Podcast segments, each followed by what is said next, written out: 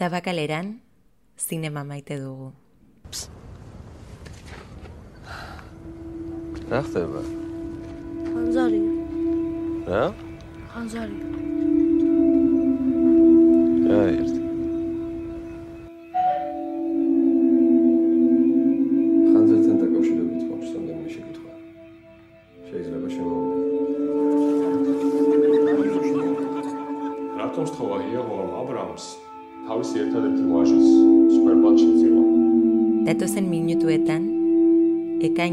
Tabakalerako zinean ikusiko ditugun pelikuli buruz hitz egingo dizuet. Azteko entzuten ari gehan trailer hau, Deakulun Begaxbilik zuzendutako beginin filmarena da.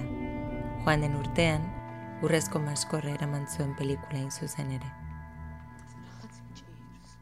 Deakulun Begaxbili donostira itzuli da. Bere proiektu berria garatzeko residentzia bat egitera. Bere bisita aprobetxatuko dugu programa publiko bat egiteko. Eta ekainari berarekin emango diogu hasiera.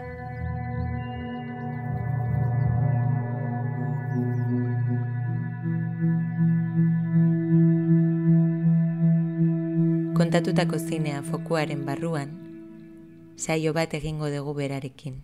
Hor ezagutuko dugu bere sorkuntza prozesua, bai beginin filmarena, baita bere film berriarena ere. Mostly it's about um, the, the main theme is alienation and, uh, and the woman's um, not search but accept, like accepting her identity or the identity crisis of the woman who is the wife of the religious leader. And it's uh, her crisis in a marriage and her crisis with her own self and with her own values and with her own persona. That she's um, she cannot fit in anymore in the familiar world where she lives, but she does not know what's outside of that world. And it's mostly, it, it, the film mostly deals with the crisis of this woman. Ekainaren bian, asteazkena, puñuelen atzera begirakoarekin jarraituko dugu. Oraingo honetan, ensaio de un crimen pelikularen txanda izango da. La vida criminal de Archibaldo de la Cruz gisa ere ezagutu den filma. ¿Y Ah, sí, el cuento. ¿El cuento del rey que tenía esa cajita? Sí. No era rey, ¿ves? Mi mamá dijo que sí era. Bueno, pero eso viene después. Primero la cajita la tenía un genio. ¿Dónde viven los genios? En el aire, en el agua, en el fuego. Esta cajita se la mandó a hacer un rey. Ya está aquí el rey. Tenía muchos enemigos y quería deshacerse de ellos. El genio dio poder a la cajita para que cada vez que la hiciera funcionar, muriera uno de sus enemigos. Sí. ¿Y qué pasó? Pues que un día el primer ministro, que era un traidor, le dijo al rey que la reina, en compañía de sus enemigos, estaba conspirando contra él. El rey la mandó llamar y le ordenó, mírame a los ojos.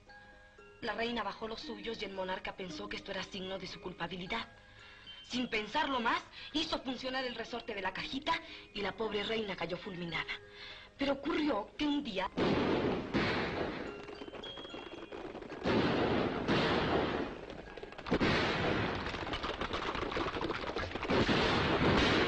El cuento me había impresionado profundamente. ¿Podría yo también, como poseedor de la cajita, disponer de la vida de las personas? Confieso que hice funcionar la caja con el deseo enteramente consciente de hacer la prueba y miré instintivamente a la institutriz. En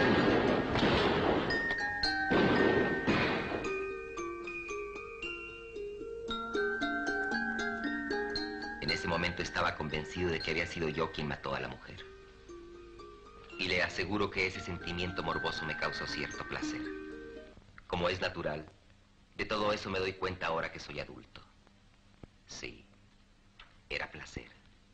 El placer de sentirme poderoso. Umore beltzeko komedia hau, Rodolfo Usigliren eleberri baten adaptazioa da. Badirudi, idazleari ez zitzaiola buñuelen lana gustatu, eta gidoilarien sindikatura denuntziatu zuela. Pedro Almodóvarren karne tremulan eta Alex de la Iglesiaren krimen perfekton, buñuelen pelikula honetako irudiak azaltzen dira. Ici, au Jinui Chewan. Ça veut dire mon ami.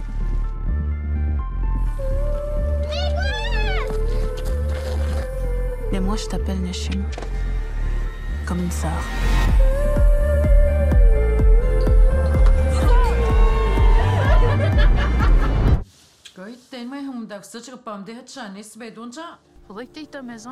Ostegunean, Miriam Berrolten kuesipan pelikula izango dugu zinean. Bertan, inu komunitate batean bizi diren bi lagunen historia kontatzen da. Txiki txikitatik lagun minak izan diren bi pertsona hauen arteko adiskidetasuna zalantzan jarriko da, amazazpi urte bete eta bietako bat mutil txuri batetaz mainte mintzen denean. Torontoko zinemaldian estreinatu zen. Eta ostiralean, ekainaren lau, pelikula zoragarri bat izango dugu. Jonas Mekasen, Lost, Lost, Lost. Oh, sing, Ulysses. Sing your travels.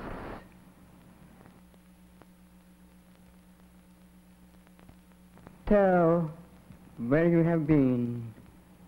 Tell what you have seen.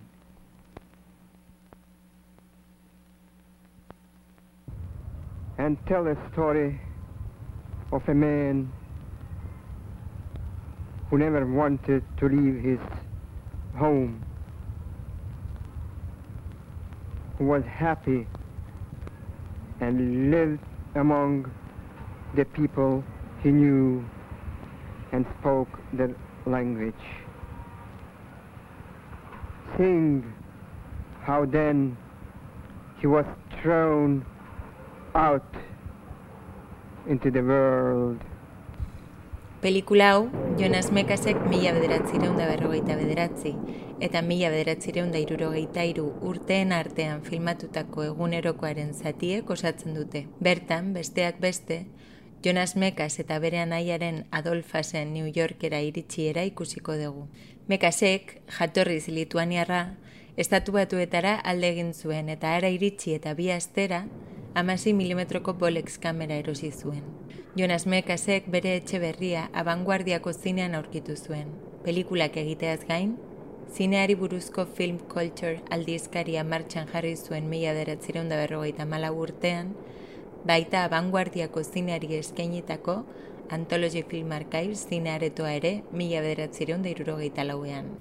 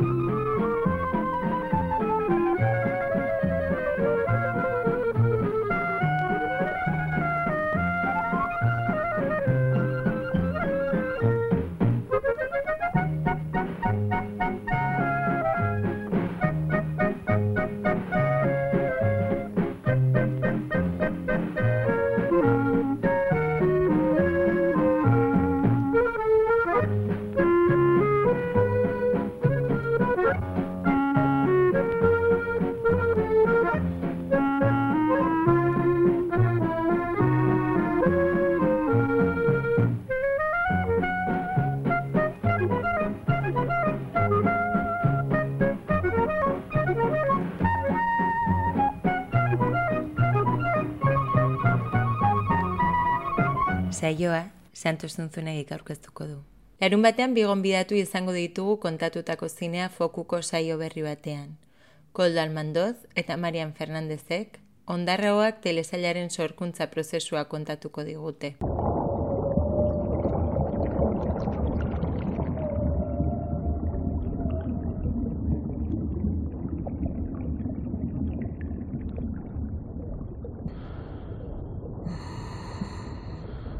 Alex, esapaldu ondoa. Kambio.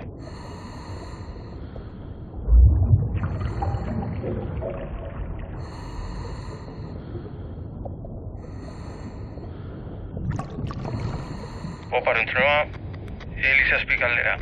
Kambio.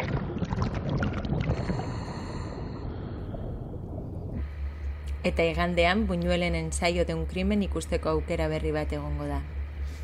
Ekaineko bigarren asteari ekitaldi berezi batekin emango diogu hasiera. Dock of the Bay jaialdiaren barruan, Meet Me Deep Down in My Dream izeneko piezaren aurkezpena izango da.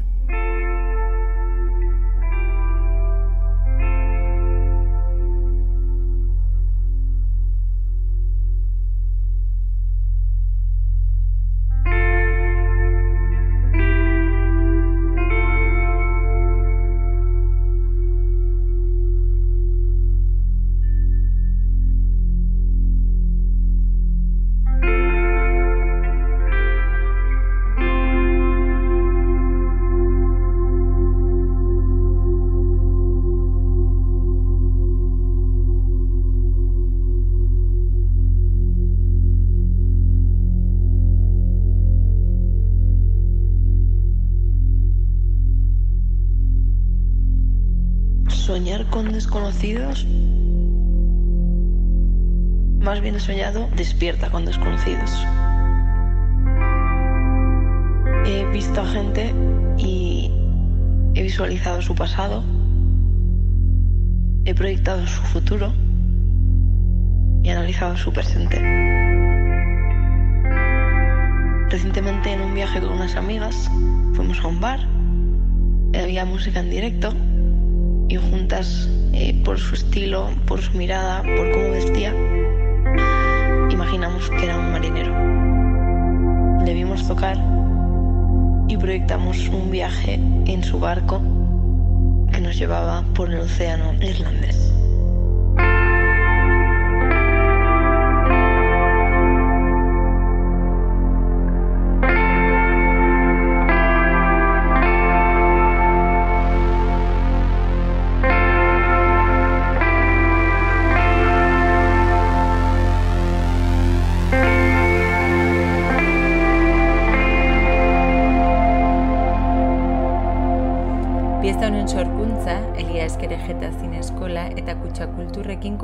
Kolaborazio bat izan da.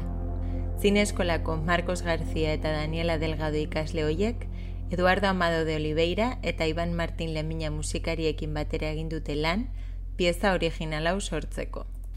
Aste azkenean, Buñuel Plusen txanda izango da.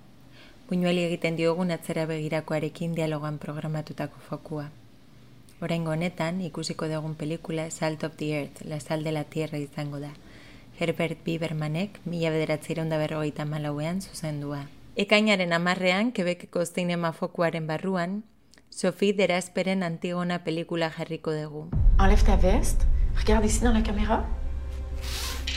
Bon, tu as le droit de faire un appel, puis ici on a une liste des avocats pour la jeunesse. Non, merci.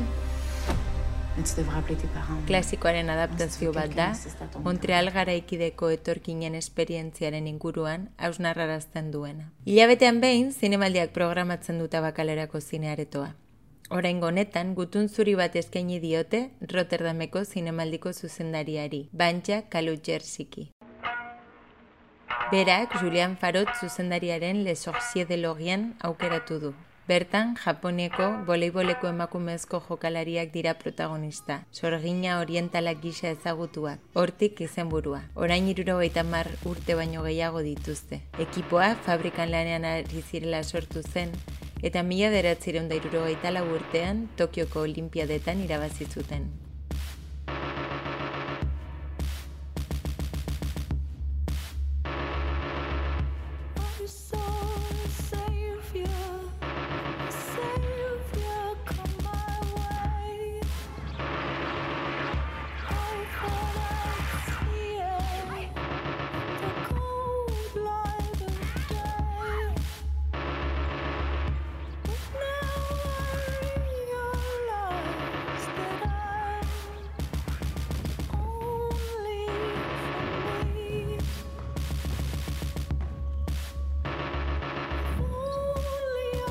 Ekainaren amabian, larun bata, Keri Reijarten atzera begirakoarekin jarraituko dugu.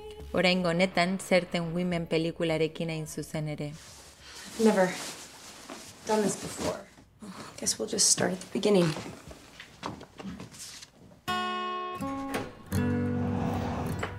Hey, Flint.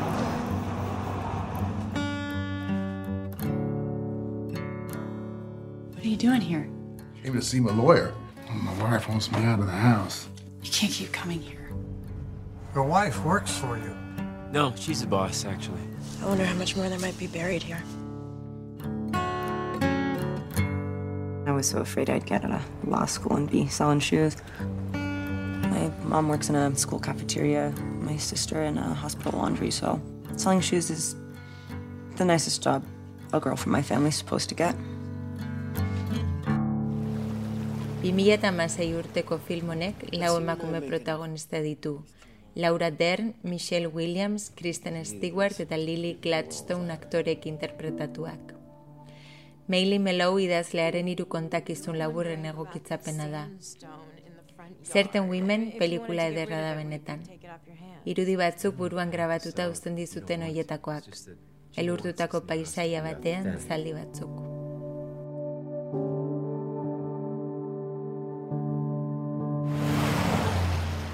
Hey, Will, good news. Your lawyer's here. No one understands what my life has become. I don't mean to keep you from getting to work or anything. I just knew if I didn't start driving, I wasn't going to see you again. Didn't want that.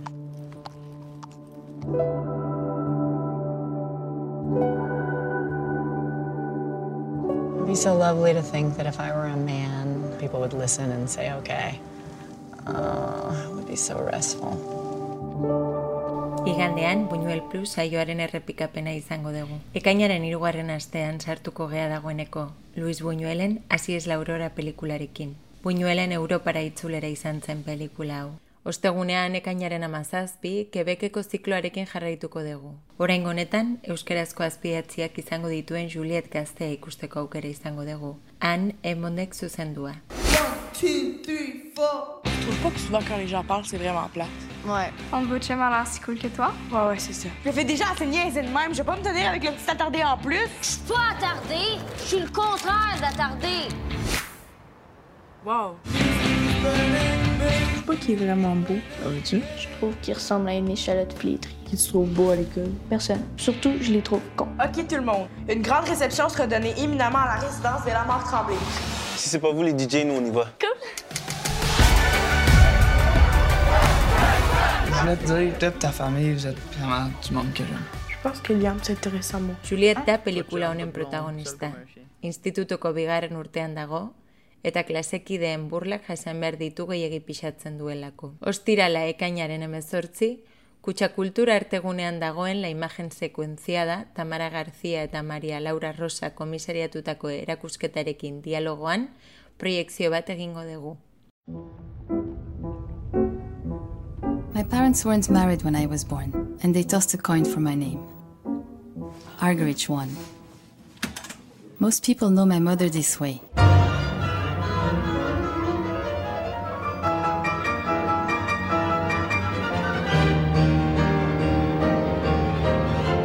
At my age, 34, she had been married and divorced twice, had three daughters, had won the first prize at several international competitions. Annie is a sister I grew up with. Perhaps it was she who first showed me where the limits were. One day, I discovered that I had another older sister, Lida.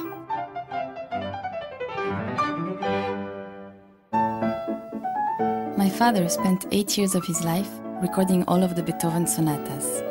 For me, he embodies discipline, determination. Perhaps if I'd lived with him, I might have spent less time messing around. Was filming my mother without really knowing why. Qu'est-ce que tu veux montrer? And I'm still doing it, even now. Ok, alors on fait rouge l'orteil. Non, pas rouge. Orange l'orteil. Et les autres bleus. Non. Nature ordained that my mother conceived only girls and my father only boys. Except for me, of course. The only one who doesn't have his name, his bloody daughter. Tamara Garziak aukeratutako pelikulak laburmetrai bat eta luzemetrai bat dira. Narcisa Hirschen Amazona eta Stefani Argeritzen Bloody Daughter. Eta ekainaren emeretzian, Maria Perez Sanzen Karen luzemetraia ikusteko aukera izango dugu. Kristina Rosenbinge da pelikula honen protagonista, eta bertan Maria Perez Sanzek Karen Blixen idazle danesak Afrikan izan zuen bizitzaren erretratu intimista bat aurkezten du.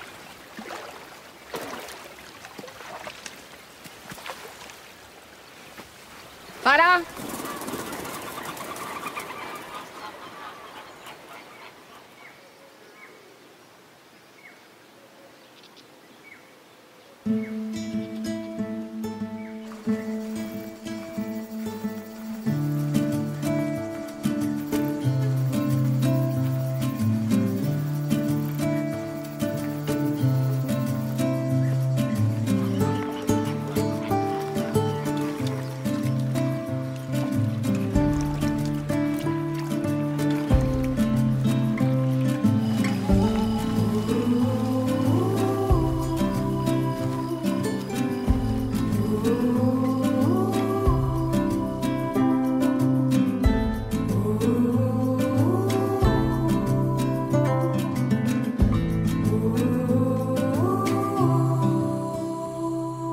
Gainera, zuzendaria gurekin izango dugu aretoan, beraz, pelikularen inguruko edo zein galdera egiteko aukera izango dugu. Ekainaren hogeian, buñuelen, hasi ez laurora ikusiali izango da berriro. Eta ekaineko azken astean sartuta, ekainaren hogeita iruan, aste azkena, Luis Buñuelen La Muerte en el Jardinen txanda izango da, mila bederatzireun da berrogeita maseiko pelikula.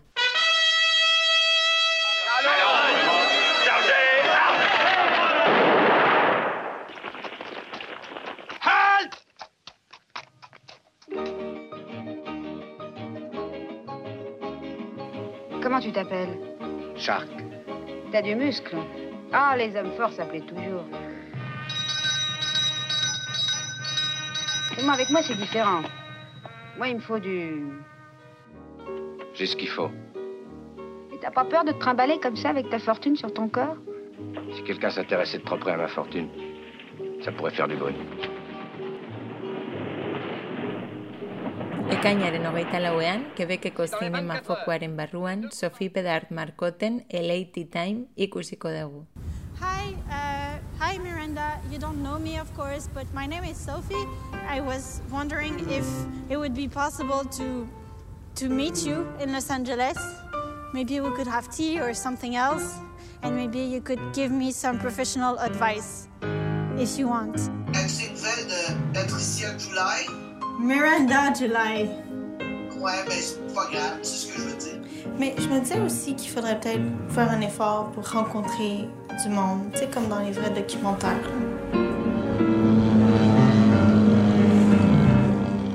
How flexible are you? I'm not flexible. Okay, cool.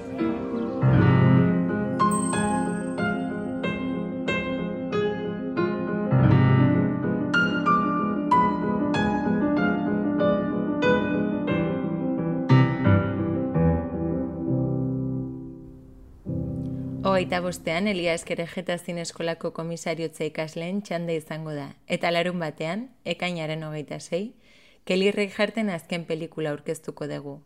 First Cow.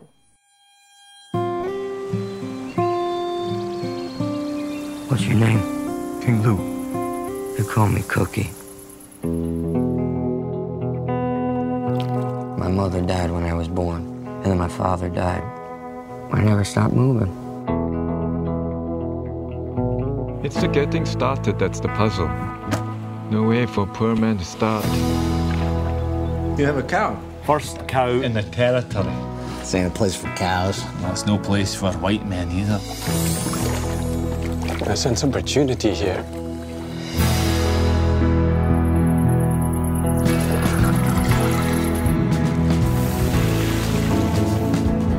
Good Lord, give me another. I'll give you six ingots for that last one. I taste London in this cake. We have to take what we can when the taking is good. It Seems dangerous. So is anything worth doing? A royal cow. And yet she barely produces a thing. Some people can't imagine being stolen from. And Soapy's one of those. Aldeán Buñuel en película en el Pena, La muerte en el jardín. Aui Sangodá, Ecaña, Tabacalera Cocinera.